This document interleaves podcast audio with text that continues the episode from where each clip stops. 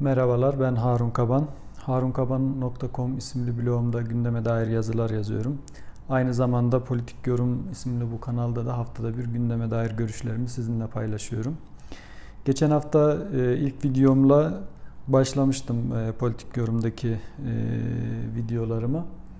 E, o ilk videoda Türkiye'deki ilkeli muhaliflerden bahsetmiştim. İlkel olduğunu söyleyen muhaliflerin tabiri caizse biraz muhalif olma hikayelerinden e, bahsetmiştim. Mehmet Altan üzerinden e, bir okuma yapmıştım aslında geçen haftaki videoda. Bu hafta o videoda söyleyip de ismini vermediğim birkaç ilkeli başka muhalifin yazısı üzerinden Türkiye'deki muhalefet meselesine dair bir iki şey söylemek istiyorum.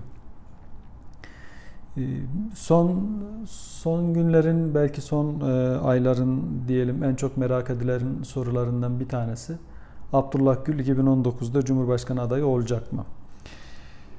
Benim kanaatim Abdullah Gül 2019'da Saadet Partisi'nden Cumhurbaşkanı adayı olacak. Bunun e, işaret fişeği belki e, şimdiye kadar e, ki işaretler arasında en neti e, önceki gün pazartesi günü Karar Gazetesi'nde yayınlanan iki yazıydı. Bu iki yazıdan bahsetmek istiyorum önce. E, yazının e, birincisi Mehmet Ocak'tan Demokraside evrensel kalite çok yakında ama diye bir yazı. E, devre, demokraside evrensel kalite çok yakında ama 3 nokta.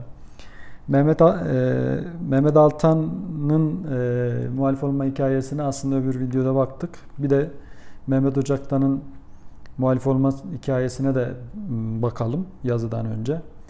E, Mehmet Ocaktan bilenler bilir. Yeni Gazete, Yeni Şafak gazetesinin yazarıydı. E, sonrasında Ankara temsilciliği yaptı. Bir dönem genel yayın yönetmenliği yaptı. 2007'de AK Parti'den Bursa milletvekili seçildi. Bir dönem mecliste AK Parti milletvekili olarak görev yaptı ve 2011'de aday gösterilmedi. Ee, sonrasında Akşam Gazetesi'nin e, genel yayın yönetmenliğini yaptı. Akşam Gazetesi'nde bir süre e, çalıştı. E, sonrasında da e, küstü tabiri caizse. Şimdi yazıda da aslında Türkiye'nin e, demokratik ülkeler arasında, modern demokrasiler arasında evrensel kaliteye çok yaklaştığını ama bu fırsatın kaçtığını söylüyor. E, herhalde tesadüftür. Bu fırsat aslında e, çok yakınken 2011'de kaçmış. 2011'den sonra Türkiye artık e, evrensel demokrasi e, olma yolunda pırıltısını giderek kaybetmiş. E, bu da Mehmet Ocaktan'ın milletvekili adayı gösterilmediği tarihe denk geliyor. Buna tesadüf diyelim. İkinci yazı e, Saadet Partisi'ne oy veririm diye düşüneceğim aklıma gelmezdi başlıklı Elif Çakır'ın bir yazısı. E, başlık tırnak içinde bu e, cümleyi Elif Çakır söylemiyor. Sosyal medyada karşılaştığı e, bazı hesaplardan e, söyleniyor. Sosyal medyadaki ekşi sözlük kafalı bazı e, hesaplardan e, alıntılar yapmış Mesela CHP'li olduğu belli bir e, hesap e, seni hiç şimdiye kadar böyle düşünmemiştim ama bizi şaşırttın sakallı diyerek Temel Karamollaoğlu'na e, destek verdiğini söylüyor. İki yazının da ortak noktası AK Parti ile e, tabiri caizse duygusal bağlarını en net kopardıkları yazılar. E, ben iki yazarı da Karar Gazetesi'ni de takip ediyorum dönem dönem e, buna dair işaretler veriyorlardı ama bu iki yazı çok önemli bence. İki yazıda da e, Mehmet Ocak'tan yazısında Erdoğan'ın e, demokrasi anlayışını mahkum ediyor. Bir nevi seçimli demokrasi tanımı üzerinden seçimsel demokrasi pardon Ergun Özbudu'nun seçimsel demokrasi tanımı üzerinden Türkiye demokrasisini evrensel kaliteden uzak e, demokrasimsi bir yapı olduğunu söylüyor ve bunun için e, tabiri caizse yeni bir e, bakışa ihtiyaç olduğunu söylüyor. Bu bakışta tahmin edebileceğiniz gibi daha ılımlı Abdullah Gül'ün e, şahsında e, ne denir? cisimleşen bir bakış. Elif Çakır ise çok net bir şekilde Saadet Partisi'nin AK Parti için alternatif bir koalisyon oluşturacağını ima ediyor. Ve yazıda çok net bir ton var. Dediğim gibi AK Parti ile artık tabiri caizse duygusal kopuşu yaşamış görünüyor. Bu iki yazı bence önemli bir işaret. Abdullah Gül'ün Saadet Partisi'nden Cumhurbaşkanı olacağını gösteriyor. Şimdi gelelim makul muhalefet meselesine. Türkiye'de uzun süredir e, iktidar eleştiriliyor. E, bu eleştirilerin en başında da e, oluşması e, ne denir? Oluşabilecek olan muhalefeti e, kötülemesi ve tam ifade edemiyorum ama e, oluşacak muhalefeti şeytanlaştırması üzerinden e, iktidar eleştiriliyor. E, biz de bir yandan makul muhalefet yok diye şikayet ediyoruz. Yani sonuç olarak bunun da Türkiye'deki olmayan muhalefetin de suçlusu Erdoğan ve AK Parti oluyor.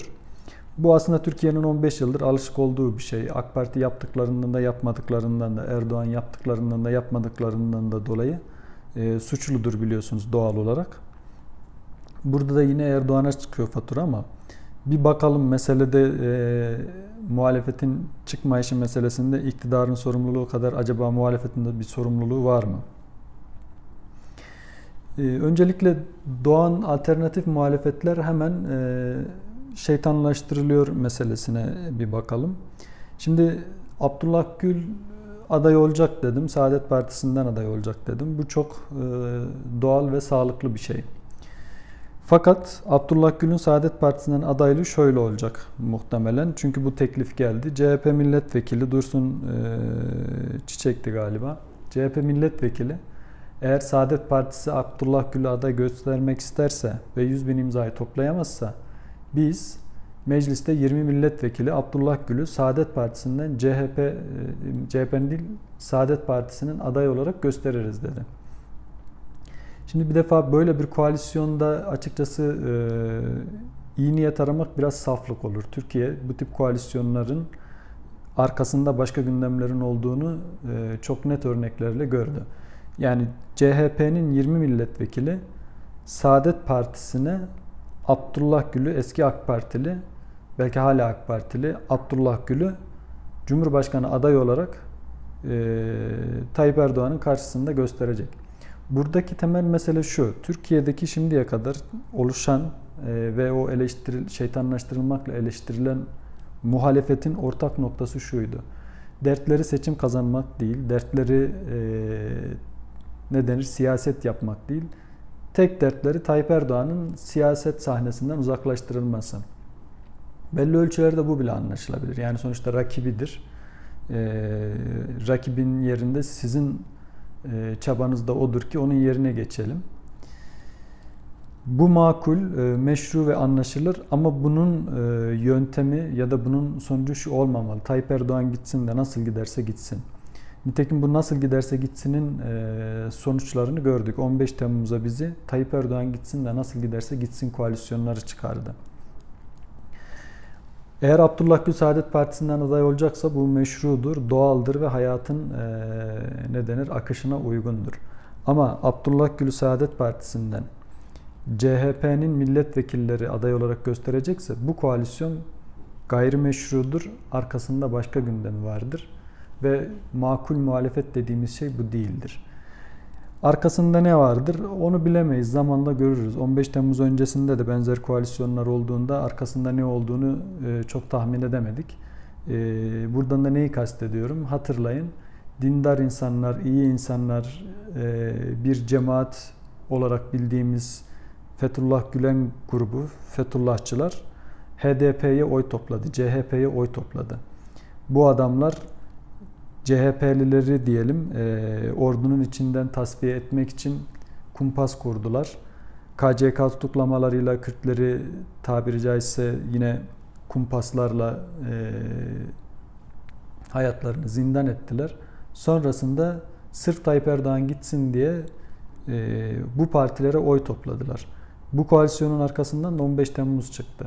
Dolayısıyla hayatın akışına uygun olmayan bir e, muhalefet oluşumu arkasında başka gündemleri olduğunu gösterir. E, nasıl olurdu peki? Hayatın akışına uygun e, bahsettiğim makul muhalefet nasıl e, ortaya çıkabilirdi? Çok basit. E, gençler hatırlamaz ama AK Parti'nin nasıl ortaya çıktığını hatırlayın. AK Parti iktidar olarak gelmedi bu memlekete. AK Parti e, bir süre muhalefetteydi. Muhalefet partisiydi. 28 e, Şubat sonrasında Refah Partisi kapatıldı. Yerine Saadet Partisi kuruldu. Fakat e, Erbakan siyaseten yasaklandı. Refah Partisi kadrosu yine siyasetin ana mecra olacaktı ve bu çok belliydi. Fakat ortaya bir şey daha çıktı. Erbakan ne yaparsa yapsın darbeyle karşıya, karşı karşıya kalacaktı. Erbakan'ın söylemi ne olursa olsun sistem açısından sorunluydu. Dolayısıyla bu söylemin ve bu yöntemin dönüştürülmesi gerekti. Bu noktada da işte hatırlarsanız Refah Partisi grubu içinde e, Fazilet, affedersiniz Saadet dedim. Fazilet Partisi içerisinde Yenilikçiler diye bir grup oluştu. Bu grupta Abdullah Gül, Bülent Arınç, Abdüllatif Şener gibi isimler vardı. Tayyip Erdoğan gibi isimler vardı.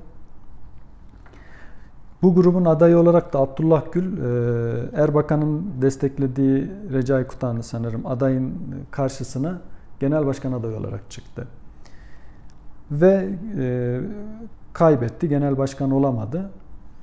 E, bahsettiğim hayatın akışına uygun olan şey işte buydu. Sonrasında ne oldu? Yenilikçiler ayrıldı ve bir parti kurdular. Bu partinin ismi AK Parti'ydi. AK Parti mecliste 53 milletvekiliyle e, Refah Partisi'nden ayrılan, e, kapatılan Refah Partisi'nin milletvekillerinin bir kısmından oluşan AK Parti mecliste 53 milletvekiliyle bir süre temsil edildi ta ki 2002 e, seçimlerine kadar. AK Parti, D, DYP, MHP ve pardon DSP, Ecevit'in DSP'si, MHP ve ANAP'ın koalisyon e, iktidarında muhalefet yaptı. Ve bir beklenti oluşturdu. Ve sonrasında da biliyorsunuz iktidara geldi. E, meşru muhalefet yaparak seçimlerde meşru bir şekilde kazandı ve iktidara geldi. Şimdi bu muhalefetin oluşması da e, meşruydu. Nasıl meşruydu? Çünkü bir geçmiş birliği var, bir duygudaşlık var, bir e, ne denir hikayelerde ortaklık var. Yani Refah Partisi kapatıldı. Yerine Saadet e, affedersiniz Fazilet Partisi kuruldu. Oradan ayrılan bir grupta gitti. Başka bir parti kurdu. Ve bu insanların biz biliyoruz ki hepsi aşağı yukarı aynı ideolojik perspektife sahip. Aşağı yukarı aynı dünya görüşüne sahipler. Ve birbirleriyle e, tabiri caizse çatışmadan e, bir şekilde siyasi hayatlarına devam ettiler. Yenilikçiler mesela şunu yapmadı. Gidip e, CHP ile koalisyon kurmadı veya CHP'nin içine geçmedi ya da CHP'ye dahil olmadılar. Ya da e, Fazilet Partisi'ni e, ne denir? Siyaset sahnesinden silmek için CHP ile işbirliği yapmadılar. Şu anda da aslında böyle bir muhalefet oluşması Türkiye'nin hem ihtiyacı hem de sağlıklı e, olacak olan şeyi. Yani bunun oluşmasını da engelleyen e, iktidar filan değil. E, yani oluşma ihtimalleri oldu biliyorsunuz. E, bu Davutoğlu'nun e, şahsında olabilirdi. Abdullah Gül'ün şahsında olabilirdi. Ama Abdullah Gül'ün e, dengeciliği, Davutoğlu'nun stratejikliği yani bunların hepsi de e, açıkçası Erdoğan'ın e, sorunu veya Erdoğan'dan sorulacak hesaplar değil. Abdullah Gül'e gidip neden daha açık siyasi sahneye çıkmıyorsun denebilir. Davutoğlu'na gidip neden e, stratejik olarak değil de senden e, beklenen şeyleri yapmıyorsun denebilir. Bunların e, cevabını verecek olan da e, dediğim gibi yani Erdoğan değil. Peki son tahlilde makul bir muhalefet e, oluşacak mı? Türkiye siyasetinde durum nereye e, gider? Ben açıkçası e, beklemiyorum. Yani buna dair emareler yok. Muhalefet yine başta bahsettiğim gibi yan yolları kullanarak Erdoğan'ın ne pahasına olursa olsun siyaset sahnesinden gitmesine çabalama e, şeklinde olacak gibi görünüyor. Saadet Partisi e, ko- e, koalisyonlara e, ne denir, ittifaklara açık olduğunu söyledi. İktidarla da görüşüyor, muhalefetle de görüşüyor. Fakat ilkeler bazında Temel Karamollaoğlu ilkeler bazında ittifaka açık olduklarını söyledi. Söylediği ilkelerde iktidara hiçbir şekilde e, veya Tayyip Erdoğan'ın ikna olabileceği şeyler değil. E, ona ancak e, CHP veya diğer Devlet Bahçeli'nin deyimiyle cümbüş koalisyonundakiler ikna olur. Bu biraz biz elimizden geleni yaptık çabası gibi görünüyor. Ben şu ihtimali yabana atmıyorum. Yine de Tayyip Erdoğan'ın e, son hamlesini beklemek gerekiyor. Şöyle düşünün 7 Haziran sonrasında her şey bitti derken işte bir taraf e, Tayyip Erdoğan'ı yargılamaya hazırlanırken bir taraf e, işte şimdi bizim sıramız geldi diye e, diğer kesimi tehdit ederken Erdoğan Deniz Baykal'ı külliyeye çağırdı. Deniz Baykal gitti. Orada görüştüler ve bütün dengeler alt üst oldu. Yine benzer bir hamle olabilir. Ee, Saadet Partisi koalisyona e, AK Parti ve MHP koalisyonuna katılabilir. Ya da Abdullah Gül çıkıp e, aday olmayacağını açıklayabilir. Bu opsiyonları açık bırakmak lazım. E, bunlar da büyük oranda Erdoğan'ın bir stratejik hamlesiyle şekillenecektir.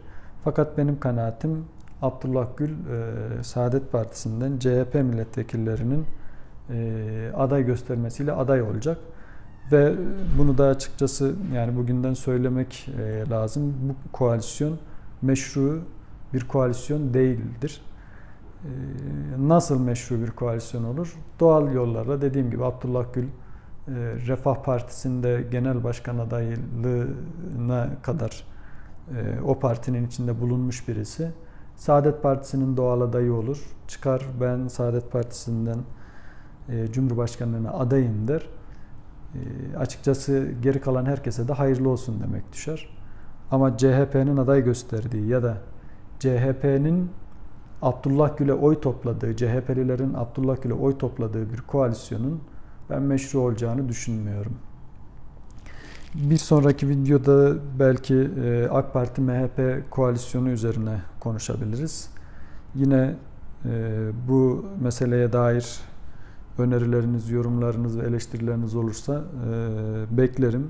Önceki videoya gelen bir yorum sonrasında video sonrasında beni arayan bazı arkadaşlarla çeşitli fikir alışverişlerinde bulundum.